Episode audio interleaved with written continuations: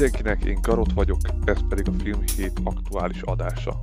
A podcastben továbbra is az előző hétvégi amerikai box office és a magyar nézettségi adatokat nézzük át, majd átveszük az aktuális heti magyar mozis és filmes streaming bemutatókat.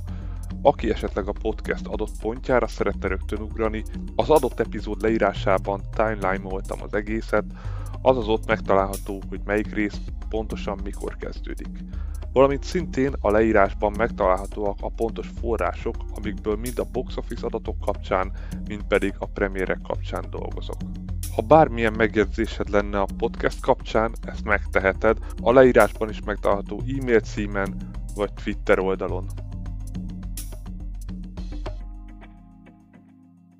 Ahogy múlt héten jeleztem, ez most nagyjából egy kéthetes összefoglaló epizód lesz, bár box office adatoknál nem igazán lesz mit összefoglalni, hiszen az előző hétről fölösleges bármilyen szinten beszélni, úgyhogy nagyrészt az ezen a héten történteket próbálom jobban kiemelni, vagy esetleg, hogyha múlt héten valamilyen nagy dolog történt, de igazából nem igazán, mert nem volt semmi bemutató. Ugye most lett a Fekete Párduc bemutatva, és ez nagyon belenyúlt minden adatba az elmúlt hetekből, mert hogy Amerikába a top 10 film 200 millió fölé ment, pontosan 206 millió dollárt keresett ezen a hétvégén, és ebből gyakorlatilag a Fekete Párduc volt több mint 80%-a a bevételeknek, de erre lehetett számítani, Ráadásul két képregényfilm is van a mozikban, és mind a kettő megszerezte az első két helyet, úgyhogy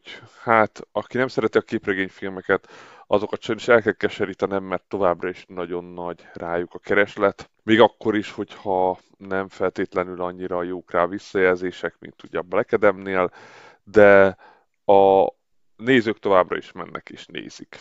Így nem is nagyon kérdés, hogy Természetesen a Black Panther megszerezte magának az első helyet. 180 millió dollárt keresett az első hétvégén, amivel már a 2022-es évi top 10-be is azonnal bekerült. Gyakorlatilag ennyire keveset keresettek bizonyos filmek, vagy ennyire kiemelkedett egy-két film, de ez annak is köszönhető, hogy nagyjából két hónapnyi filmnélküliség volt a nyári időszak végén, amit még mindig nem igazán értek, hogy a kiadók minek szántak, vagy mi volt ott a tervük, de mindegy, térjünk vissza, tehát Black Panther 180 millió dollárt keresett az első hétvégéjén, a film költsége 250 millió dollár volt, világszinten 330 millió dollárnál tart, de ez a 180 millió dollárnál biztos, hogy nem fog megállni, tehát a 300 az már most szinte 100 százalék, sőt 100 százalék, de szinte biztos, hogy még 4-500 millióig is elmehet. Az eddigi visszajelzések mind a nézői, mind a kritikai kifejezetten pozitívak voltak, úgyhogy nem hiszem, hogy irreális cél lenne ez az 500 millió dollár erre a filmre, de a következő hetekben nem igazán lesz semmilyen konkrét ellenfele, úgyhogy Hát meglátjuk, ugye az idén már elmondtam, hogy koronavírus óta kicsit átalakultak a box office adatok, és a második hét az, ami jobban meg tudja mondani azt, hogy egy film mekkora siker, ez több filmnél is így volt, és még pár dolog akkor a Black Panther kapcsán. Az egyik, ez a 180 millió dolláros nyitó hétvége gyakorlatilag a nyolcadik legerősebb volt a Marvel Cinematic Universe-be, de még idén se tudott megelőzni minden filmet, mert hogy a Doctor Strange a 187 millió dollárral kezdett, igazott nagyon erős volt a visszaesés a második hétvégére, ez éppen ezért mondtam, hogy a második hétvége sokkal jobban számít, valamint a koronavírus óta is volt már film, ami megelőzte, hiszen a Pókember nincs hazaút is többet nyitott, méghozzá 260 millió dollárral, valamint az első Black Panther is 202 millió dollárral nyitott, tehát ez nem egy rossz nyitás, ugye én két hete azt mondtam, hogy olyan 200 millió körülire lehet várni, a 180 az elég közel van hozzá, ilyen nagy számnál azért már ez a 20 millió, ez belefér ingadozásnak, de még egyszer szerintem 500 millióig gond nélkül el kellene tudnia menni, de hogy az előző Black Panther-t meg tudja előzni, ami 700 milliót keresett, az már nagy kérdés. Ebbe egyáltalán nem vagyok biztos. de majd meglátjuk még egyszer a következő hetekben. Amit még szintén érdemes tudni a Black Panther bemutatójáról, ezzel a hétvégi nyitással, tehát ezzel a 180 millió dollárral megszerezte a novemberi valaha legnagyobb nyitó hétvégét, és még ugye így se volt elég arra, hogy az idei legerősebb hétvégéje legyen.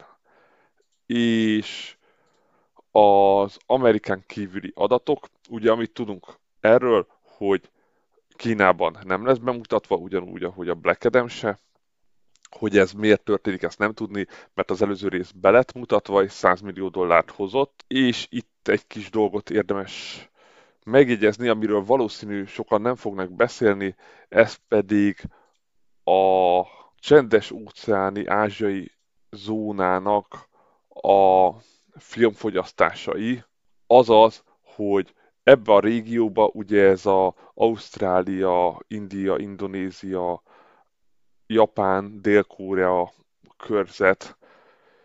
Ebben a körzetben a kifejezetten feketék főszereplésével készült filmek, akár képregényfilm, akár másmilyen film, nem annyira népszerűek. Ezekben a zónákban egyszerűen ezek a filmek nem futnak olyan jól, a közönség sem annyira, hát nem azt mondom, hogy nyitott rá, hanem érdekli. Egyszerűen nem annyira érdekli. Nekik nagyon fontos az, hogy mi, kik a főszereplők, kik a, a színészek, és ugye ezekben az országokban, hát Ausztráliát ne vegyük ide, de mondjuk Indiába, Indonézia, Japán, Korea egyértelműen nagy Amerika rajongók, viszont fehér Amerika rajongók, ezt ki kell mondani, ez teljesen egyértelműen így van, aki ismeri ezeket a kultúrákat, az pontosan tudja, hogy hogy rajonganak a, a fehér emberek után, ezt ennél szebben nem tudom elmondani, és a feketék nem igazán érdeklik őket.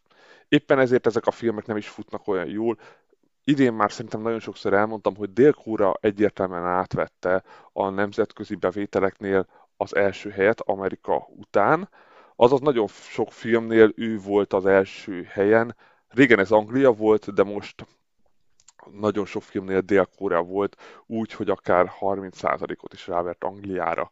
De ennél a filmnél egyértelműen nem ő lett. Az első simán megelőzte őt Anglia, de még Mexikó és Franciaország is. Valószínű, hogy ott nagyobb a fekete lakosság, vagy olyanok, akiknek több fekete ismerősük van. A lényeg az, hogy Dél-Koreában ez a film bár keresett azért 9 millió dollárt, de egyáltalán nem lesz olyan közönség siker, mint más Marvel Cinematic filmek.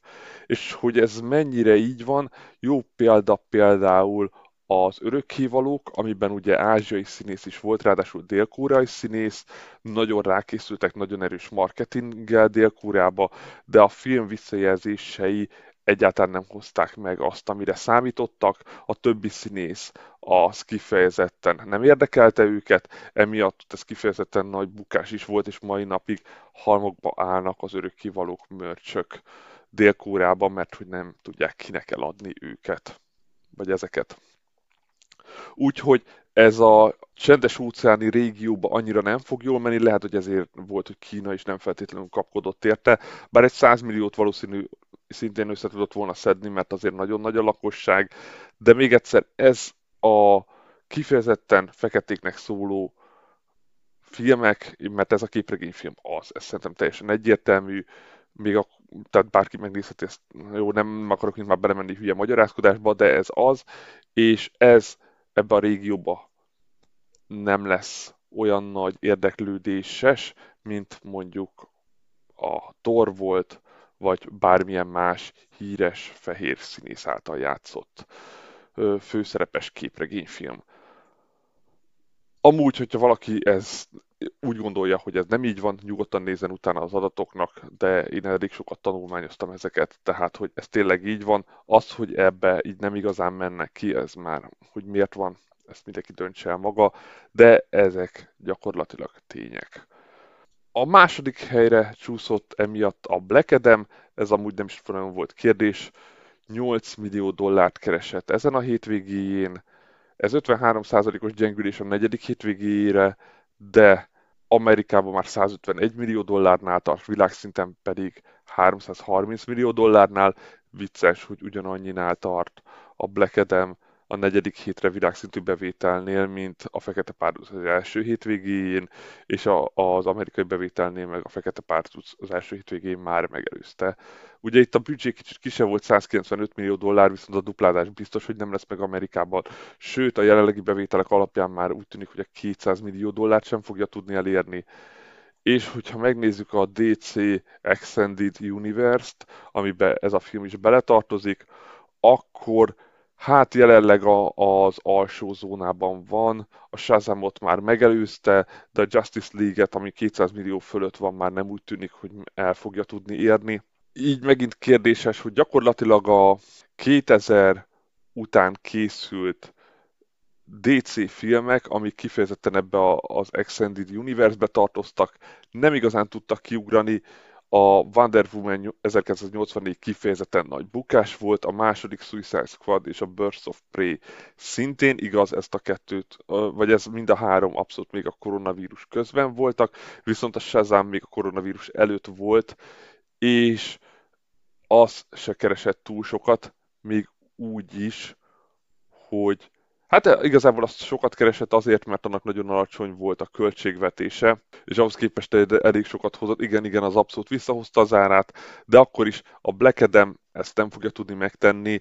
Ez valószínű megint egy streamingen értékesíthető dolog lesz, azaz, hogy eh, fizess elő HBO Max-ra, mert itt már lesz. A mostani feltételezések szerint 60 nap után, az azt szerintem még idén fel fog kerülni. Az is lehet, hogy ez lesz az idei HBO éjféli vetítése, ugye ez az HBO-nak mindig egy ilyen nagy találmánya volt, hogy az H- szilveszteri éjfélre valami nagy filmet raktak be, amit pontosan éjfélkor indult. Én nem lepődnék meg, hogyha ez idén a Black Adam lenne tőlük, és onnantól lenne, bár még a streamingre, hogy mikor kerül föl, az ettől független, de szerintem ez így lesz. Harmadik helyen van a beugró a paradicsomba 6,1 millió dollárral, csak 29%-ot csökkent az előző héthez képest, 56 millió dollárnál tart Amerikában, 146 millió dollárnál viszont világszinten. A büdzséje 60 millió dollár. Ez a film Amerikában annyira nem ment jól, de látszik, hogy világszinten viszont nagyon volt kereslet, ugye a magyar mozikban is iszony sokat keresett annyira, hogy már, ahogy láttam múlt heti adatokat, a 2022-es magyar top 10-be bőven bekerült, és be is biztosította magát. Valószínűleg erre a hétre még inkább ezt meg fogja tenni, de erről majd beszélünk a magyar adatoknál. Negyedik helyen van a Sony animációs filmje, a Krokodili, ami nem igazán futott túl jól, 3,2 millió dollárt keresett ezen a hétvégéjén, 40 millió dollárnál tart Amerikában, 72-nél világszinten, 50 millió dolláros volt a büdzséje, ezt a büdzsét hát ezt még Amerika szinten sem fogja elérni, nem hogy duplázás legyen belőle. A sony jó lenne újra gondolni a terveit, egyelőre idén csak a képregényfilmei futottak jól, vagy a hát egy volt, de sok bemutatója volt, de hogy ebben mennyi volt sikeres, hát ezt majd az év végén az összefoglalóba átnézzük. Az biztos, hogy ezek a, az új típusú animációs filmjeivel egyelőre nem találja a közönséget. Ötödik helyen van a Mosolyog, ami 2,3 millió dollárt keresett, és ugye ez egy alig 17 millió dolláros büdzsés film volt, ami már 102 millió dollárnál tart, tehát bőven visszakereste a pénzét, 205 millió dollárnál tart világszinten, úgyhogy itt nem vagyok benne biztos, hogy egy sima folytatásról beszélünk, hanem a Paramount én már most látom, hogy ebből majd egy teljes franchise-ot akar. Erről még semmilyen bejelentés nem volt, de ilyen mennyiségű pénznél ez nem kérdés. Főleg úgy, hogy a Paramountnak mostanában nagyon kevés franchise-a van. Hatodik helyen van a Démoni Fény, ez a másik horror, ami jóval később lett bemutatva, de igazából ez nem érdekel senkit, nagyon rossz visszajelzések voltak minden szinten rá. Két millió dollárt keresett ezen a hétvégén, 17 millió dollárnál tart, világszinten 20, vagy 17 millió dollárnál tart Amerika szinten, 24-en világszinten. Büdzsét nem ismerjük, de akármennyire is volt alacsony, nem hiszem, hogy visszatermelte az árát, ha csak nem ilyen tényleg alig 10 millióba került, de ezt nem tudjuk. Hetedik helyen van a Sziget szellemei, ez egy ír dráma, ami már múlt héten is a listán volt, ahogy látom, de ugye akkor nem volt adás. 1,7 millió dollárt keresett ezen a hétvégén, 5,8-nál tart Amerikában, 11-nél világszinten. Ez egy 10 millió dolláros büdzsés film, de ilyen kis büdzsés drámák nagyon ritkák az, hogy visszahozzák egyáltalán az alapárat. Ráadásul itt a marketing költségnél sem vagyok biztos, hogy duplája, tehát hogy tényleg elköltöttek 10 millió dollárt a reklámra. Nem tudjuk, hát 5,8 a 10 millióhoz nem tudom. Szerintem ezek azok a kis költségvetésű filmek, amit tényleg csak azok tudnak megmondani, akik kifejezetten a filmet csinálták, hogy ez most sikeres vagy nem. Viszont a második helyről a nyolcadik helyig zuhant a One Piece film, ez az előző héten nagyon jól kezdett ez az anime, most viszont 84%-ot esett vissza, ami hát egyértelműen egy nagyon erős visszaesés. Igaz, itt az is lehet, hogy gyakorlatilag mindenki már megnézte az első hétvégén, aki akart ezt a filmet, és a közönsége ben nagy az átjárás a Fekete Párduc 2 és a Black Adam közönségével, és emiatt már nem volt, aki azt megnézze tehát 1,4 millió dollár keresett ezen a hétvégén 12-nél tart. Amerikában világszinten viszont 171 millió dollárnál, hiszen animéről beszélünk, így a ázsiai régióban nagyon erősen futott. 9. helyen van a Till, ez az életrajzi film, erről már beszéltem korábban, 600 ezer dollárt keresett ezen a hétvégén, 800 ezernél tart Amerikába, viszont más helyi bemutatót és büdzsét nem ismerünk hozzá. Végül pedig a tizedik helyet megszerezte megint egy indiai film, a Yasoda néven futó tehát még egyszer indiai film, sokszor beszéltünk már arról, hogy az indiai filmek mennyire felfutóban vannak, és egyre többet jelennek meg a listán, de ez alig 500 ezer dollárt keresett, csak ugye minden pénzt elvitt a, a fekete párduc. Így Amerikában 500 ezer dollárnál tart, világszinten pedig nem ismerünk hozzá bevételt.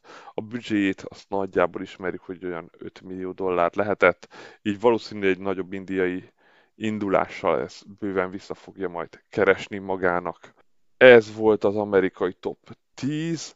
Jövő héten lesz három bemutató is. Az egyik a The Menu, ez egy Universal Horror, kifejezetten egy ilyen fordulatos típusú film, a bemutató alapján, amitől 9 millió dollárra lehet számítani, de erről beszélünk majd a magyar bemutatóknál, mert ez a héten lesz bemutatva, valamint a Said is a héten lesz bemutatva a magyar mozikba. Ez egy Disneynek egy erres drámája, egy ilyen Me Too történet, azaz kifejezetten arról, hogy az első, az nulladik eset az, hogy derült ki, hogy került a sajtóba, hogy dolgozták fel az egész esetet. Ettől nagyjából olyan 6 millió dollárra lehet számítani. Végül pedig a 13 Lights, ez ugye az amazonos dráma a tájföldi barlang balesetről, a gyerekek mentéséről, ennek az Amazonos bemutatója kapcsán már beszéltem, hogy ez egy nagyon jó dráma, de ugye már három feldolgozása van, ez az első, ami ott fölkerült, kifejezetten híres színészekkel, és valószínűleg a mozis bemutató annak köszönhető, hogy jelölni lehessen majd különböző díjátadókon, mert ugye jelenleg már megint csak azt lehet, ami kifejezetten futott moziban is, és ami csak streamingen, az nem. Végül pedig akkor nézzük át a táblázatot. Tehát az első az a 2022-es amerikai top 10 bevételek, ahol voltak átalakulások. Az első helyen továbbra is a Top Gun Maverick van 716 millió dollárral, a második a Doctor Strange 411 millió dollárral, a harmadik a Jurassic World 376 millió dollárral, a negyedik helyen viszont előre lépett a Minionok 369 millió dollárral, azaz a Batman, ami az ötödik helyen van, pontosan 2000 dollárral előzte meg.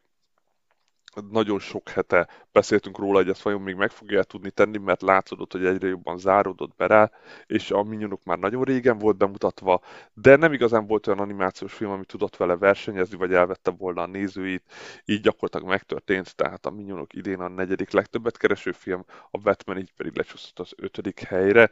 A Thor a hatodik helyen van 343 millió dollárral, a Sonic a hetedik 190 millió dollárral, a Black Panther már az első hét után nyolcadik lett 180 millió dollárral, a Black Adam belépett a kilencedik helyre 151 millió dollárral, és az Elvis van mögötte a tizedik helyen szintén 151 millió dollárral, itt 100 ezer dollárral előzte meg a Black Adam, de valószínű, hogy a Black Adam többel is fogja, hiszen még azért egy 10-15 millió dollárt biztos fog keresni. Amit érdemes megjegyezni a koronavírus előtti időszakban a top 10 filmhez, minimum csak olyan 200 millió dollárral lehetett bejutni, 200-230 millió kellett ahhoz, hogy már befér a top 10-be.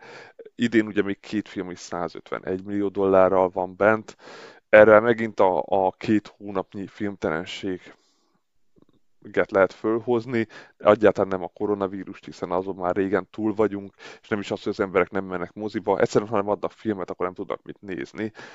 Úgyhogy meglátjuk, hogy még hány bemutató lesz. Ugye egy filmről tudjuk még, hogy szinte biztos be fog kerülni a top 10-be, ez az Avatar 2 lesz. Több filmet, viszont már kérdéses, hogy mennyire, úgyhogy lehet, hogy idén is lesz még olyan film, ami 200 millió dollár alatti bevételt szerzett, és mégis befért a top 10-be. A 2022-es világszintű bevételeknél az első helyen a Top Gun Maverick van szintén 1 milliárd 486 millió dollárral, a második a Jurassic World 1 milliárd dollárral, a harmadik a Doctor Strange 952 millió dollárral, a negyedik a Minionok 935 millió dollárral, az ötödik a Batman 767 millió dollárral, a hatodik a Thor 745 millió dollárral, a hetedik a Legendás állatok 404 millió dollárral, a nyolcadik a Sonic 2 402 millió dollárral, a kilencedik az Uncharted 401 millió dollárral, és a tizedik helyre belépett a Black Adam 352 millió dollárral. Jövő héten biztos, hogy föl fog már kerülni a Black Panther, hát hogy ez most a Black Adam-et fogja lenyomni, vagy a Black Adam-ben még van 50 millió dollár, hogy megelőzze az Uncharted-ot, és így még megcsípja a tizedik helyet, vagy esetleg a kicsivel előrébb, hiszen ott három film két millió dolláron belül van egymáshoz képest. Ezt meglátjuk majd a jövő héten, vagy a következő hetekben. Végül pedig a kiadók versenyében Hát még nem történt változás, de a Walt Disney és a Warner ugye elkezdett fölfele jönni, a Paramountra és a Universalra, de a Universal továbbra is tartja az első helyet 19 bemutatott filmmel, 22 százalékos éves bevételi részesedéssel, a második a Paramount 16 bemutatott filmmel 20%-kal, a harmadik a Walt Disney 8 bemutatott filmmel 16%-kal, a múlt héten még csak 14%-nál tartott, tehát egy hét alatt gyakorlatilag egy hétvégi bemutatóval hozott 2%-ot. Így egyre kérdésesebb, hogy a Universal meg fogja tudni tartani az első helyét. Meglátjuk, ugye azzal, hogy a Walt Disney erősödik, a Universal csökken, hiszen itt százalékokról beszélünk, aminek az összmennyisége csak 100 százalék lehet, így hogyha egy százalék nő, a másik csökken. A negyed, helyen a Warner van, 10 bemutatott filmmel 14%-kal, itt azért annyira nem volt erős a Black Adam, hogy nagyon ellépjen, ugye volt esélye kicsit, hogy megelőzze a Disney-t, de ezt az esélyt most arra már 100%-osan elvesztette. Ötödik helyen van a Sony 15 bemutatott filmmel 12%-kal, hatodik a 20th Century Studios 2,5%-kal, és a 2% alatti stúdiók, az A24 most már bőven 2% alatt van, a Focus Features, a United Artists és a Lionsgate is tartja ezt az 1 és 2% közötti piacot, úgyhogy a Lionsgate-nek kicsit sikerült erősíteni ezzel a horrorral, bár szintén ez nem volt a legerősebb idén tőlük. Úgyhogy ez volt az amerikai top 10, és akkor térjünk át a magyar top 10-es adatokra, ahol szintén történtek érdekes dolgok. Ugye a magyar mozikban is két hét telt el arról, hogy bármilyenről is beszélhettünk, ezért nézzük is meg a szokásos első információt, mi szerint a top 10 filmet hány ember is látta. Ebben észrevehető egy érdekesség, mert hogy két héttel ezelőtt, ugye az utolsó adásnál 125 ezer néző nézte meg a top 10 filmet, ez múlt héten 177 ezer néző volt, ami már egy nagyon jó szám, viszont ezen a héten visszaesett 149 ezerre, pedig egy nagy bemutató volt.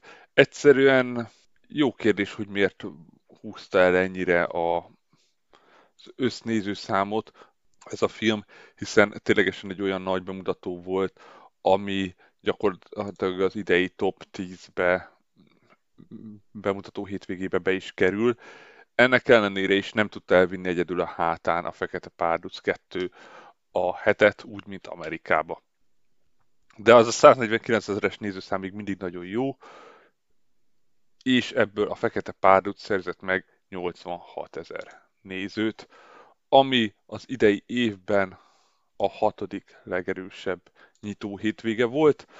Gyakorlatilag érdekes, hogy mik előzik meg őt, mert hogyha nézzük a Doctor Strange, a Thor, ugye a két másik képregényfilme a Marvelnek, a Jurassic World, ugye, ami ott van a top 10-ben, nagyon az elején a Minions, vagy Minionok is megelőzte, és a legendás állatok, ami viszont nagyon hamar kifutott, uh, hiába kezdett százezer néző fölött, nagyon hamar elvesztették az emberek rá az érdeklődést, valamint a Top Gun nem érte el ezt a 86 ezeres nézőszámot, hanem 83 ezer indult, és mégis milyen messzire jutott, úgyhogy igazából, ahogy szoktam mondani, nem a nyitó hétvége, hanem a második hétvég is adott az, ami majd számít. Tehát 86 ezeres nézőszám, ez jó nyitás, a top 10-be, a, tehát a 2022-es top 10-ben nagy eséllyel majd bele fog férni, de az, hogy mennyivel, az már kérdéses, mert ebben a listában volt egy kis átalakulás, azaz minimum 250 ezer, azaz kicsit több mint 250 ezer nézőig el kell mennie ahhoz, hogy az idei top 10-be beférjen. Mert hogy a második helyen ott a Beugró a Paradicsomba, ami már 6 hete itt van a mozikban, és folyamatosan a siker, tehát a Magyarországon ez a film nagyon jól megy, annyira, hogy például múlt héten az volt az első helyen, megelőzte a Black Adam-et a harmadik hétvégéjére, és ezt a pozíciót meg is tartotta, tehát a Beuró Paradicsomba a nézők számára vonzó volt még hatodik hét után is, mint a Black Adam a negyedik hét után, hogyha ezt a hetet nézzük. 28%-os visszaesése 20 ezer nézőt vonzott be a moziba, ami azt jelenti, hogy összességben 318 ezer nézőnél tart, és aki követ, az tudja, hogy ez a 300 ezeres nézőszám, ez már egy igen jó szám, ezzel gyakorlatilag az évvégi top 10-be már szinte biztos, hogy beírta magát. Nagyon sok sikeres filmnek kéne mennie még ahhoz, hogy ezt lenyomja, és még van is esélye még előrébb jutni, de erről majd a top 10 végén, ugye az éves összefoglaló táblázatnál. Harmadik helyen van így a Black Adam, ami negyedik hét után már 60%-ot gyengült, azaz az előző héthez képest 9000 nézőt jelent ez, ami azt jelenti, hogy 175 ezer nézőnél tart, és nagyon úgy tűnik, hogy ez a film például nem fog beleférni a magyar top 10-be. Hát meglátjuk, én szerintem a 200 ezeres nézőszámig még talán el fog döcögni, de a 250 ezeres semmi esélye. A negyedik helyen van a Krokodili, ami harmadik hete van a magyar mozikban, 8600 nézőivel viszont 41%-ot csökkent a múlt héthez képest. Ez összességében 51 ezer néző, de a 100 ezeres nézőkhöz nem fog bekerülni ez se, úgyhogy ez se fog bekerülni a top listába, amit mindig nézünk. Az ötödik helyen van a Démoni Fény, ez a horror, ami egyszerre került be a Krokodilivel, 5300 nézőt vonzott be, ami összességében 35 ezer nézőt jelent. Hát, ez egy alacsony költségvetésű horror, igazából ez a szám annyira nem is szörnyű. Hatodik helyen van a Blokkád, ami egy magyar film, ugye, és 4500 nézőt vonzott be a negyedik hetén, ami azt jelenti, hogy már összességében 51 ezer nézőnél van. Ez a film sem lesz az, amelyik idén meglépi a 100 ezeres nézőszámot, és egyre kisebb az esély, hogy ezt még valamilyen magyar film el tudja érni. Igaz, a héten is lesz magyar film, és talán olyan, ami több embert is bevonz. Hát ezt sose lehet tudni, rejti, hogy mi az, ami kell az embereknek. Tavaly se gondoltam volna, hogy az első az a nagy karácsony lesz, de idén, gyakor- de még tavaly három film is elérte a 100 ezeres nézőszámot, idén gyakorlatilag még a 90 ezeret sem érte el egy film sem. A hetedik helyen van az Amsterdam, ami harmadik hét után 4100 nézőt tudott bevonzani, ez 50%-os visszaesés az előző héthez képest, 34 ezer nézővel már hamarosan ki fog szállni, 50 ezer nézőig nem valószínű, hogy el fog jutni. A nyolcadik helyen viszont ott a Tölgy, az erdő szíve, amit elég sokan néztek meg, és sokan is reklámoztak, hogy egy kifejezetten érdekes dokumentumfilm, ugye második hete van a mozikba, és csak 33%-os visszaesése volt az előző héthez képest, 15 ezeres néző számnál tart, ami szerintem egy ilyen stílusú filmtől kifejezetten erős. Dokumentumfilmeket nem szoktam külön vezetni, mert hogy azokról nagyon kevés információnk van, de állítom, hogy az idei második legerősebb dokumentumfilm, és ugye ez azért van, mert hogy az első az egy magyar film, még hozzá a Katinka, ami 21 ezer nézőig jutott. Igaz, ennek a filmnek még van esélye ezt a filmet megelőznie. A kilencedik helyen van a Béke a Nemzetek felett, 3000-es nézőszámával nyitott ezen a hétvégén. Erről majd a filmbemutatóknál beszélek, mert ugye múlt héten kimaradt az adás. Végül pedig a tizedik helyen van a Mosolyog, szintén 3000 nézővel, ami összességében 158 ezer nézőig jutott. Ez a film nagyon sikeres volt Amerikában is és Magyarországon is, annak ellenére, hogy egy nagyon kis költségvetésű horrorról beszélünk, és már ahogy az amerikai bemutatóknál beszéltem, szinte biztos, hogy ez egy franchise indító film lesz. Amiről még van információnk, az az egyik az a tündéri bajkeverő, ez csak a 13. helyen tudott nyitni 2400 nézővel, valamint a Kis Vinetú című német családi film, ami 17. helyen tudott nyitni 946 nézővel. Amit még érdemes megemlíteni, hogy a Fekete Párduc újra moziba került, amiatt, mert hogy a második rész is ugye a moziba van, hát ez nem vonzott be túl sok embert, alig 177-et, de nem is ez a lényeg, hanem így láthatjuk, hogy 272 ezer nézőt vonzott be az első rész, hogy ezt a számot el fogja tudni érni ez a rész, ez kérdéses, mert már a indulása sem volt olyan erős, mint az előző résznek, és idén, mint hogyha már kisebb visszaesés mutatkozna a képregényfilmek szempontjából. Igaz, nagyon közel nyitott hozzá, hiszen ez a Fekete Párduc 86 ezer nézővel indult, a másik meg 88 ezerrel. Hogyha ezt a 250 ezeres nézőszámot sikerülne elérnie, még így se biztos, hogy az idei magyar top 10-be be tudna kerülni. Meglátjuk, hogy meddig fog tudni elmenni, az biztos, hogy az avatárot majd még bekavarhat neki. Ez volt alapvetően a magyar top 10, és akkor nézzük meg a szokásos listákat. Elsőnek a 2022-es Magyarországi bemutatók top 10-es nézettségi adatait, amiben egy változás történt, nagyjából lista alján, de akkor nézzük sorba. Első helyen Top Gun Maverick van továbbra is 540 ezer nézővel, a második a Minionok 518 ezer nézővel, a harmadik a Thor 407 ezer nézővel, a negyedik a Jurassic World 404 ezer nézővel, az ötödik a Doctor Strange 358 ezer nézővel, a hatodik az Uncharted 338 ezer nézővel, és a hetedik helyig egészen bejutott a Beugró a Paradicsomba 318 ezer nézővel, ezzel pedig a hetedik helyet megszerezte egy eredeti ötlet, ami mostában egyre ritkább, hogy egyetlen a top 10-be bekerül, annyira, hogy 8. helyen is az van, mert az elveszett város is ugye egy eredeti ötlet, 284 ezer nézővel. A beugró paradicsomról még annyit érdemes beszélni, hogy az uncharted szinte biztos, hogy meg fogja előzni, és ezzel a hatodik helyre be fogja magát biztosítani, amíg esetleg meg nem előzi valami magasabban, de ez nagyon úgy tűnik, hogy nem a Black Panther lesz. 9. helyen ott a Sonic 2 260 ezer nézővel, a 10. helyen pedig a legendás állatok 254 ezer nézővel, tehát ezt a nézőszámot kell megelőznie ahhoz a Black Panthernek, hogy bekerüljön a top 10-be, vagy 260 ezeres nézőszámot a Sonic 2-t ahhoz, hogy az Avatar biztos ne tolja őt ki. A 2022-es magyarországi animációs filmek bemutatóinak 100 ezeres nézettség feletti adatainál ugyanaz az öt film van továbbra is nagyjából változatlanul. Az első helyen a Minionok Groove színre lép 511 ezer nézővel, a második a Sonic 2 260 ezer nézővel, a harmadik a DC Szuperállatok Ligája 144 ezer nézővel, a negyedik a Rossz Fiúk 130 ezer nézővel, és az ötödik a Pirula Panda 106 ezer nézővel, azaz továbbra is csak öt animációs film van, ami elérte a 100 ezeres nézőszámot.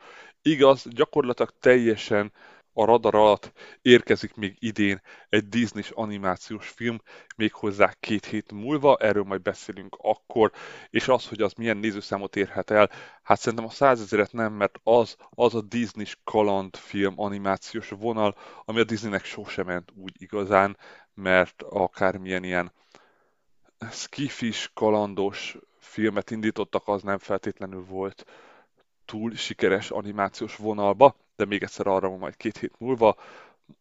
Végül pedig nézzük meg a 2022-es magyar filmek bemutatóinak top 5-ös nézettségi adatait, amiben az első helyen továbbra is a nyugati nyaralás van 82 ezer nézővel, a második a Szia Életem 59 ezer nézővel, a harmadik helyre bejött a Blokád 51 ezer nézővel, a negyedik az Együtt kezdtük 45 ezer nézővel, és az ötödik az Unoka 39 ezer nézővel, azaz a top 5 filmet összességében 278 ezeren nézték meg, ami még mindig egy iszony gyenge szám, ha azt nézzük, hogy ez az öt legsikeresebb, vagy hát nem sikeres, legtöbb nézőt vonzó magyar filmje, és gyakorlatilag ezzel épp hogy csak bekerülne a kilencedik helyre az amerikai nézettségekhez.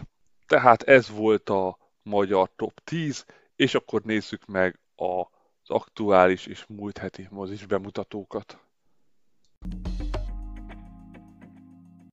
Ahogy az elején mondtam, a bemutatóknál azért megnézzük, hogy mik voltak a múlt heti bemutatók is, és utána térünk át az ehetiekre, hogyha esetleg valaki innen tájékozódik, főleg azokról a filmekről, amikről kicsit kevesebbet lehet hallani. Ugye a múlt heti legnagyobb bemutató a Fekete Párduc 2 volt, ugye ez a közvetlen folytatás az első résznek, de a főszereplő, aki ugye Fekete Párducot játszott, Chadwick Boseman ugye meghalt a valóságban, így hát ki kellett írni őt a sorozatból is, vagy a filmből, tehát a Marvel Cinematic Universe-ből, valamint egy új főellenség is megjelent, ez a Torpedo, azaz a Marveles Aquaman, ami gyakorlatilag még Marvel szinten sem érdekel senkit. Ennek ellenére elég jók, most már ugye látható az első hét után a kritikák, hát szerintem a Torpedónál érdektelenebb karaktert én el nem tudok képzelni, vagy hogy ez mitől lett jó, de mindegy, menjünk is tovább. A másik bemutató volt a kis Vinetú, ez egy német családi western, érdekes módon Németországban már több western is volt, így a, hát nem olyan sok, mondjuk évi egy-kettő, de egyáltalán nem odaillő műfaj, úgyhogy elég fura. Itt ugye ténylegesen egy western korszakban játszódó film, ahol a 12 éves Vinetú úgy dönt, hogy bebizonyítja apjának a rátermettségét, és egy bivajcsordát próbál meg átvezetni a pusztaságon. Szintén múlt héti bemutató a Tündéri Bajkeverő című luxemburgi animációs film. Ezt az a stúdió csinálta, aki az Iránya bárkát és a Louise és az űrlényeket, hogyha valaki esetleg ezeket látta. Én nem rossz volt, de ez, erre én abszolút a B kategóriás animációs filmet szoktam ráhúzni. Lehet, hogy nem mindenki gondolja így, de szerintem egyértelműen látszik, hogy más minőségűek, mint az amerikaiak és én ezt nem negatívságból mondom, hanem pont azért, hogy dolgozzanak rajta, hogy ezen még azért van mit, leginkább a történet menetén is azon, hogy ezek a gyerekfilmek ténylegesen csak gyerekeknek szólnak, és felnőtteknek alapvetően nézhetetlenek. A sztori maga egy tündérlányról szól, aki fog tündérnek készül, azonban nem sikerül a vizsgáit letennie, a varázslás egyre rosszabbul megy neki, így végül is engedély nélkül átszökik az emberek világába, hogy ott bebizonyítsa, hogy ő már pedig igazán alkalmas erre a munkára, azonban egy hiba miatt nem tud visszatérni, így kénytelen egy ember segítségét kérnie, hogy valahogy visszajuthasson. Végül pedig a múlt heti utolsó bemutató az a Béke a Nemzetek Felett című magyar dokumentumfilm, ami az első világháború utáni magyarországi válság gót foglalja össze, vagy arról szól, ahogy az osztrák-magyar monarchia szétszakadt, és kifejezetten az Aponyi gróf vezette békedelegációról, aki megpróbálta elérni, hogy ez a, az elszakadás ne történjen meg. Úgyhogy még egyszer ez egy dokumentumfilm, valószínű még talán ezen a héten elérhető szinte biztos, hogy csak művész mozikban. És az aktuális heti bemutatók, ugye, ahogy mondtam, ugyanazok, mint Amerikában. Az egyik az a Menü című horror thriller, amiben egy fiatal pár egy kis szigetre érkezik egy exkluzív étterembe, hogy itt vacsorázzanak meg, azonban a háttérben igen erős titkok vannak, a séf nem véletlenül hívta meg azokat, akiket, nem véletlenül vannak ott azok, akik, kivéve a főszereplő nőt, akit senki nem tudja, hogy került oda. A másik a bemutató, ahogy Amerikában is, a magyar címén azt mondja, ugye Said címen futó film, ami a Times két riporteréről szól, akik együtt robbantották ki a MeToo első ügyét, amiből gyakorlatilag az egész mozgalom kinőtt, és hogy ez az egész hogyan is történt. A harmadik bemutató a Párcser és Játszma című francia romantikus vígjáték, igen, megint egy francia romantikus vígjáték, gyakorlatilag csak, a franciáknak csak romantikus vígjáték van, vígjáték vagy romantikus dráma. Egy baráti társaságról szól, négyen vannak, négy pár, és az egyikük bedobja azt, hogy akkor csináljanak egy, bedobjuk a kulcsot egy tálba, azt mindenki kihúz valakit, és akkor azzal majd jó szexel típusú történet, és akkor majd ebből jönnek a vicces jelenetek, amennyire viccesek ezek a francia filmek. Szintén heti bemutató a Rosszul vagyok magamtól című norvég vígjáték, ahol egy fiatal pár kifejezetten egészségtelen kapcsolatban él, folyamatosan rivalizálnak egymással, amikor a férfi karrierje hirtelen emelkedni kezd, a nő a lehető legrosszabbul reagál erre, mindenképpen a középpontban akar maradni, ezért kitalál egy betegséget, hogy ezzel hívja föl magára a figyelmet. Hogy ezt föntartsa, egyre radikálisabb megoldásokhoz folyamodik, és gyakorlatilag mindent megtesz, hogy tényleg megbetegítse magát, hogy a barátainak a sajnálatát elérje. Hát ez szörnyű film, már, hogy lehet ez vígjáték? Inkább tűnik drámának, mindegy. Végül az utolsó bemutató a Veszélyes lehet a Fagyi című romantikus vígjáték dráma, ugye ez a három műfaj egyben, ez a magyar filmeknél annyira nem meglepő. Ez Szilágyi Fanni első nagyjátékfilmje, eddig kisfilmeket csinált, és már az első bemutatók és jelzések alapján ez megint egy nagyon jónak ígérkező magyar film, amit tényleg érdemes magyar, mindenképp érdemes a mozikban nézni. A főszereplő egy egypeti iker pár, Adél és Éva, Adél radiológus, Éva pedig a pár hónapos kisfiát neveli vállalkozó férjével, és különböző nézőpontból látják egymás életét, és hát ami az egyiknek pozitív, az a másoknak nem feltétlenül, és ebbe a konfliktusokkal teli kapcsolatba lép be Ákos, akinél nem egyértelmű, hogy a belépése ezt a különbséget mélyíti köztük, vagy éppen, hogy betemeti. Ezek a heti és a múlt heti mozis bemutatók, és akkor térjünk is át a streamingre. A streamingnél is ugyanúgy fogok tenni, ahogy a mozis bemutatóknál, azaz mind a két hetet megpróbálom összefoglalni szolgáltatónként, úgyhogy kezdjük először Netflix-el. Múlt hét hétfő, Depa és Anop, ez egy gyerekanimációs sorozat. KED, a Klaus család 2021-es belga családi vígjáték, a Mikulás újra karácsonyra készül, amikor egy különleges kérés tartalmazó levelet kap. Hogyan lettem befolyásos fiatal csaj, 2019-es brit vígjáték, egy tinédzser felnőttként népszerű zenei újságíróvá válik. Múlt hét szerda, ez egy érdekes kombináció, az első az a focis film, 2022-es sportanimációs film, egy elhivatott szurkoló szembeszáll egy gonosz tudóssal, aki tehetségeket lop, azaz focis Space Jam, és utána ugyanezen a napon a FIFA titkai 2022-es dokumentumfilm sorozat, a FIFA hogyan is adta el a világbajnokságot, ugye ezt a Katarit, a rendezését, valamint a belső politikai harcokról tudunk meg bővebb információt, valamint ezen a napon fölkerült a Korona 5. évadja, ami egy történelmi drámasorozat. Csütörtökön felkerült a Karácsonyi Románc 2022-es romantikus vígjáték, ami Lindsay Lohannek ugye a, a mostani filmes visszatérése, ő pedig ebben egy elkényeztetett szállodai örökösnő, aki karácsony előtt nem sokkal síbalesetet szenved, és az ezutáni amnéziás állapotban egy szálloda tulajdonos gondoskodik róla, aztán majd jól összejönnek valószínű. Szintén ezen a napon felkerült az eltévedt Golyó 2, 2022-es francia akció krimi, ami az előző rész közvetlen folytatása. A az újonnan alakult kábítószerellenes egység vadászatba kezd még az előző részben meghalt ember miatt. Valamint a Harcos Apáca második évadja, ami egy fantazi dráma sorozat. Pénteken felkerült az Apám sárkánya, ez a 2022-es családi animációs film.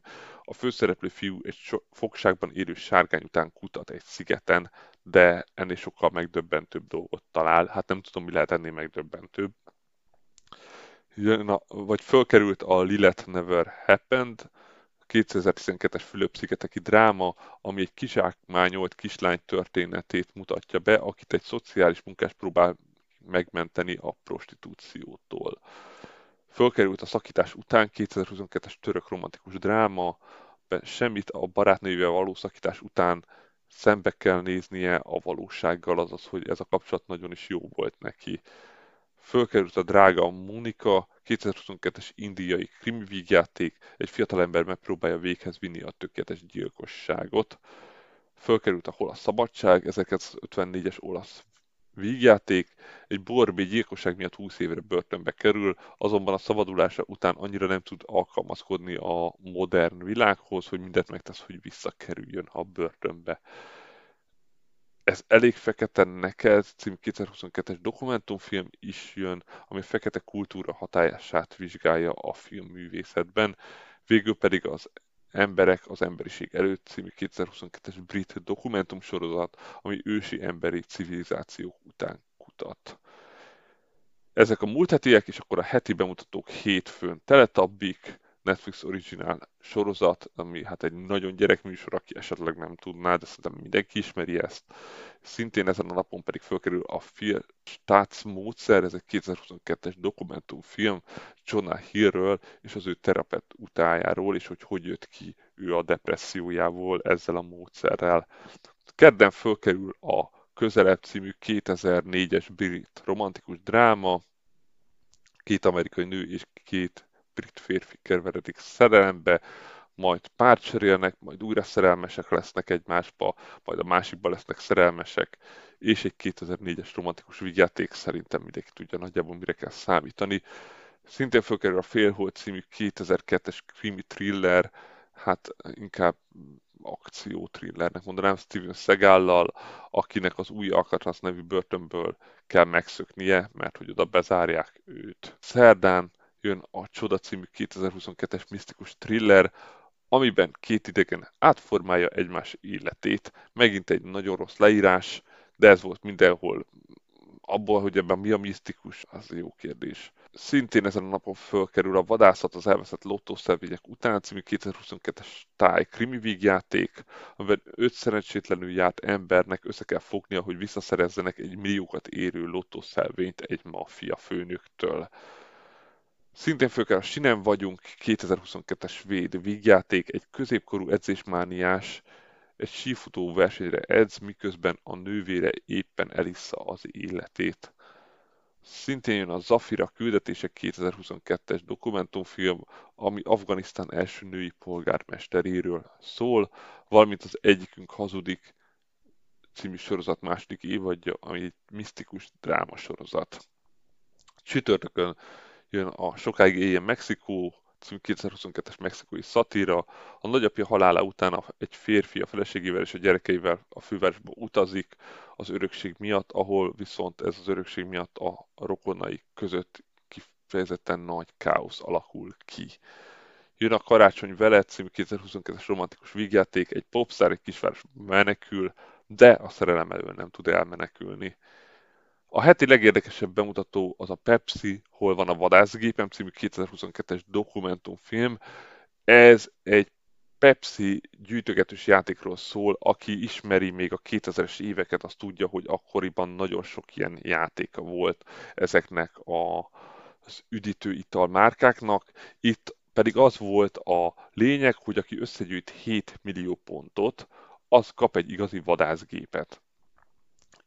A, ha jól vettem ki bemutató alapján, egy üdítő egy pontot ért, tehát egy ilyen fémdobozos üdítő, tehát 7 milliót kellett ebből szerezni, és a főszereplő, azaz a, a egy ember úgy dönt, hogy ő ezt már pedig meg fogja szerezni.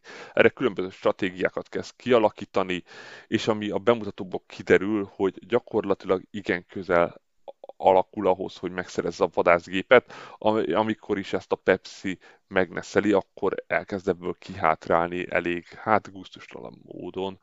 De hogy mi lesz ennek a vége, hát ez, egy, ez tipikusan az tényleg az, amit érdemes megnézni.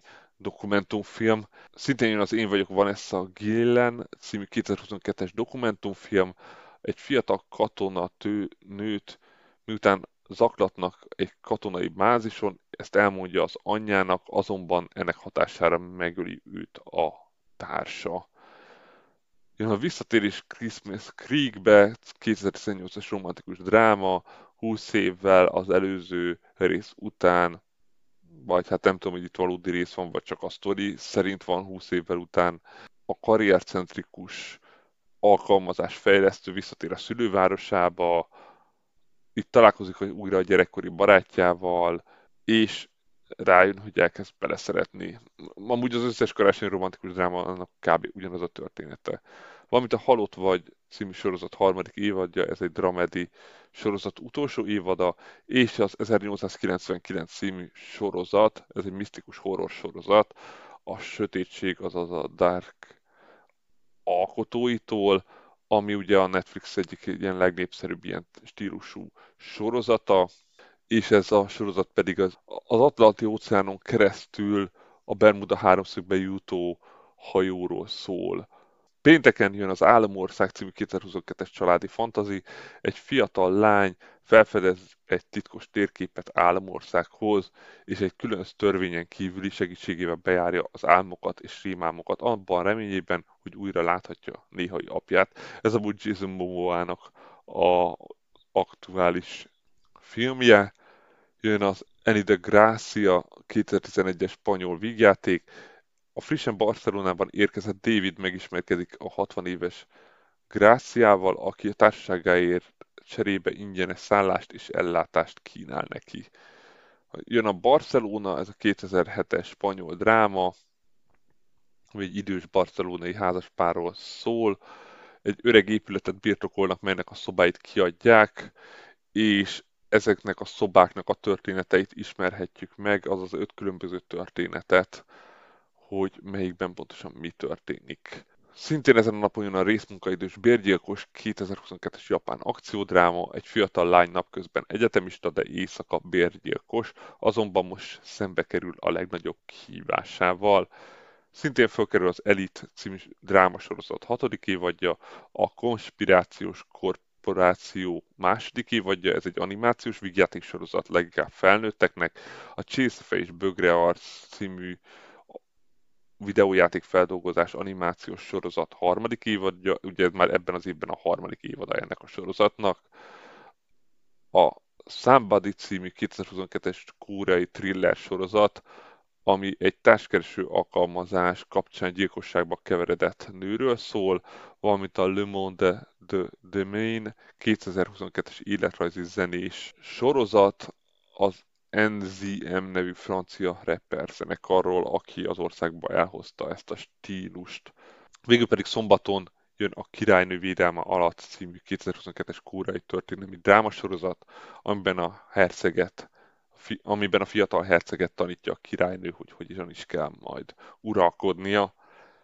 Tehát ez a Netflix, akkor nézzünk rá az HBO-ra, ahol múlt hét hétfőn fölkerült a Nincs baj drágám. Ez sokat elmond róla, hogy már fölkerült ez a film, gyakorlatilag nagyon hamar. Igaz, az HBO azért még mindig viszonylag hamar rakja fel a Warner filmeket, de hát ennyire nem futott túl jó mozikba. Ez a 2022-es thriller, amiben Florence Pugh és Harry Styles játszanak, akik egy boldog pár, és egy ilyen nagyon fura kisvárosba költöznek, ahol minden tökéletes, azonban ez a tökéletesség mögött igen komoly titkok vannak. Leginkább az, hogy pontosan mivel is foglalkozik a férj, mivel, miért is ilyen ez a város, és miért változnak meg az itt élő emberek. Szerdán fölkerül a Crank felpörgetve, a 2006-os akciófilm, ami már nagyon sokszor volt fönn, ez egy Jason Statham akciófilmje, amiben őt ugye megmérgezik, és az ellenszer megszerzéséhez folyamatosan magasan kell tartani az adrenalin szintjét.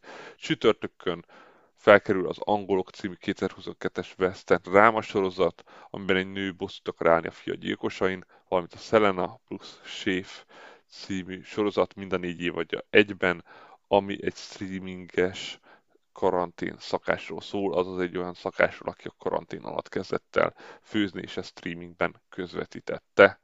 Pénteken jön a Gloria című 2021-es német dramedi, egy nagyon egyszerű és unalmas nőről, aki azonban egy villanykörte kicserélésekor az izzó egy glóriát rajzol a feje fölé, és erre gyakorlatilag a városban mindenki a csodájára jár, ezt ő viszont nagyon nem szeretné.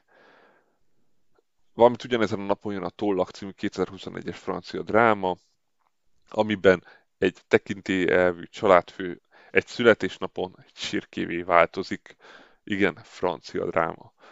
Szombaton jön a majdnem híres, ez is már nagyon sokszor, nagyon sok streamingen volt fönn, a 2000, ez a 2000-es road movie, amiben egy 15 éves újságíró fiú felkér a Rolling Stone, hogy írja meg a Stillwater együttes turnéjának a részleteit, így ő csatlakozik ehhez a bandához. Szintén fönn volt már nagyon sok helyen a Szemtől szemben, a 1995-ös thriller Robert De Niroval és Al Pacinoval, ahol mi egy klasszikus rendőr rabló verseny, hogy sikerül-e menekülni, vagy sikerül-e elkapni, valamint a jog árnyékában 2019-es portugál dráma, amiben a főszereplő nőt megerőszakolja a férje, azonban a portugál jog szerint ez nem minősül erőszaknak. Végül pedig múlt hét vasárnap fölkerült a Minari, a családom története 2020-as dráma, ami a 80-as években szól egy dél családról, aki Kaliforniába, Arkansasba költözik, hogy itt alapítson új otthont földművesként. Ez ugye az Oscar díjra is jelölt, vagy megnyerte a film. Nem mindegy, akkoriban futott 2020-ban, és kifejezetten jó filmről van szó. Hétfőn, tehát most már ezen a héten föl fog kerülni a Boldogító Nem, a 97-es romantikus vígjáték, ugye nagyon sok híres színész van benne, Whoopi Goldberg, Glenn Close, Tom Selleck, Kevin Klein, és egy angol tanárról szól, aki egy kisváros középiskolájában dolgozik, miközben az esküvőjére készül, azonban az Oscar díj átadón egy ifjú sztár könnyes szemrel emlékszik meg az egykori tanárjából, akinek nagyon sokat köszönhet, és amúgy homoszexuális, és itt mindenki rá gondol, hogy ez biztos ő, és hiába mondja, hogy nem ő volt, de ez gyakorlatilag ráterelődik, és egy riporter az egyedüli, aki megpróbál kiteríteni az igazságot. Szerdán fölkerül az FLCL című japán fantasy anime sorozat mindkét évada. Csütörtökön pár dokumentumfilm, az egyik a Volt című 2021-es dokumentumfilm Volkirmer életéről, a másik a Master of Light című 2022-es dokumentumfilm, ami George Anthony Moron festőről szól, aki tíz évet töltött szövetségi börtönben, majd a szülővárosába utazik, hogy megfesse a családtagjait.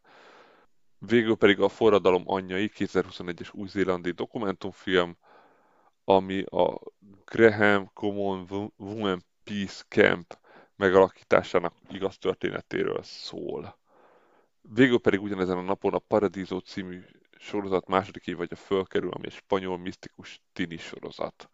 Pénteken fölkerül a szintén Oscar díj kapcsán felmerült Szólítsa neveden, című 2017-es olasz romantikus dráma, egy észak-olaszországi nyárról, amiben egy 17 éves amerikai srác találkozik egy férfival, és így nyára egymásban szeretnek. Szintén pénteki napon jön az A Pozitív című 2021-es horror, amiben Lucy egy bonyolult terhesség alatt nyugtalanító dolgokat tud meg az orvosától. Szombaton fölkerül a Ha ölni kell, ez a 96-os thriller, ez is egy nagyon klasszikus, nagyon sok híres színésszel, Sandra Bullock, Samuel L. Jackson, Matthew McConaughey, Kevin Spacey, Donald Sutherland és Kiefer Sutherland a legfőbb nevek, amiben a feldühödött Samuel L. Jackson a bíróságon lelövi azt a két férfit, akik megerőszakolták a tíz éves lányát, miután a bíróság simán csak elengedni őket, és itt a tárgyalásnál azt az részt ismerik meg, ahol megpróbálják őt fölmenteni. Ez a gyilkosság alól. Vasárnap pedig még két film, az egyik a világ legrosszabb embere, című 2021-es svéd romantikus dráma, ez ugye nagyon pozitív visszajelzésekkel rendelkezett, a 20-as, 30-as évei fordulóján járó Julie történetét ismerjük meg több különböző időszakból, azaz négy éven keresztül követhetjük az életét, a szerelmi életét, a karrierjét és a sorfordító döntéseit. Valamint az Akik eladták a világbajnokságot című 2021-es dokumentumsorozat, ez is a FIFA korrupcióról és a Katari 2022-es világbajnokság megrendezéséről szól. Úgy látszik, most nagyon aktuális, hiszen két streamingen is van erről dokumentumfilm. És akkor nézzük a Disney Plus-t, ahol múlt hét szerdán kerültek föl a példaképünk Beckham című 2022-es brit sportsorozat, amiben David Beckham visszatér Londonba, hogy egy fiatal csapat mentora legyen, valamint a Zotropolis Plus 2022-es animációs sorozat, ami nem is feltétlenül egy önálló sorozat, hanem kifejezetten a film időszakában játszódik, és egy-egy szereplőről tudunk meg több információt, valamint ilyen mellékágakat a sztorihoz. Úgyhogy ehhez mindenképpen érdemes ismerni az alapfilmet. Amit ezen a héten szerdán fölkerül a Télapuk című 2022-es családi sorozat, ami a Tim Elemes Télapúnak most már a sorozat formája, a Csúcshatás című sorozat, igen, ez annak az akciófilmnek a folytatása, ahol egy gyógyszertől szuper esze lesz az embereknek, valamint a Hazug című 2022-es dráma sorozat. Pénteken pedig fölkerül a Bűbáj 2 kiábrándulva, ez 2022-es családi romantikus film, amiben tíz évvel a házasság után a főszereplőnő kezdi kétségbe vonni a döntését a házassága kapcsán. Ugye valamint a Miki egy egér történetek 2022-es dokumentumfilm Miki egérről. Az Amazon Prime-on is voltak bemutatók, méghozzá múlt hét csütörtökön az Őszi Ritmus című 2022 zenés dráma, amiben két testvér minden álma betörni a repvilágba, valamint pénteken a La Cadilla című 2022-es sportdráma, ami a kapcsolatok bonyolultságáról szól, és az Emlősök című 2022-es dramedi sorozat, amiben egy séf titkokat tud meg a feleségétől, és ezen a héten szerdán pedig fölkerül a The People We Hate at the Wedding 2022-es vígjáték, amiben a családi feszültségek elszabadulnak, amikor két testvér féltestvére megházasodik. Végül pedig az Apple TV Plus, ahol pénteken múlt héten fölkerültek a Futurisztikus Kalandok című 2022-es családi skifi sorozat részei, vagy elkezdték felrakni őket. Ez egy antológia sorozat, ahol kifejezetten gyerekek problémái vannak ilyen skifisítve, valamint a Mystic Quest című sorozat harmadik évada. Pénteken pedig ezen a héten felkerül a karácsony szellemében. Ez most egy nagy projektje a Apple TV-nek. Ez ugye ez musical, amiben Ryan Reynolds és Will Ferrell és Olivia Spencer a karácsonyi éneket dolgozzák föl milliótszorra. Mert nincsen rá szám, szerintem, hogy ezt hányszor dolgozták már föl ezt a történetet. Úgyhogy ezek a heti streaming bemutatók. Köszönöm mindenkinek, aki végighallgatta az adást és jövő héten a normál időben ismételten jelentkezek.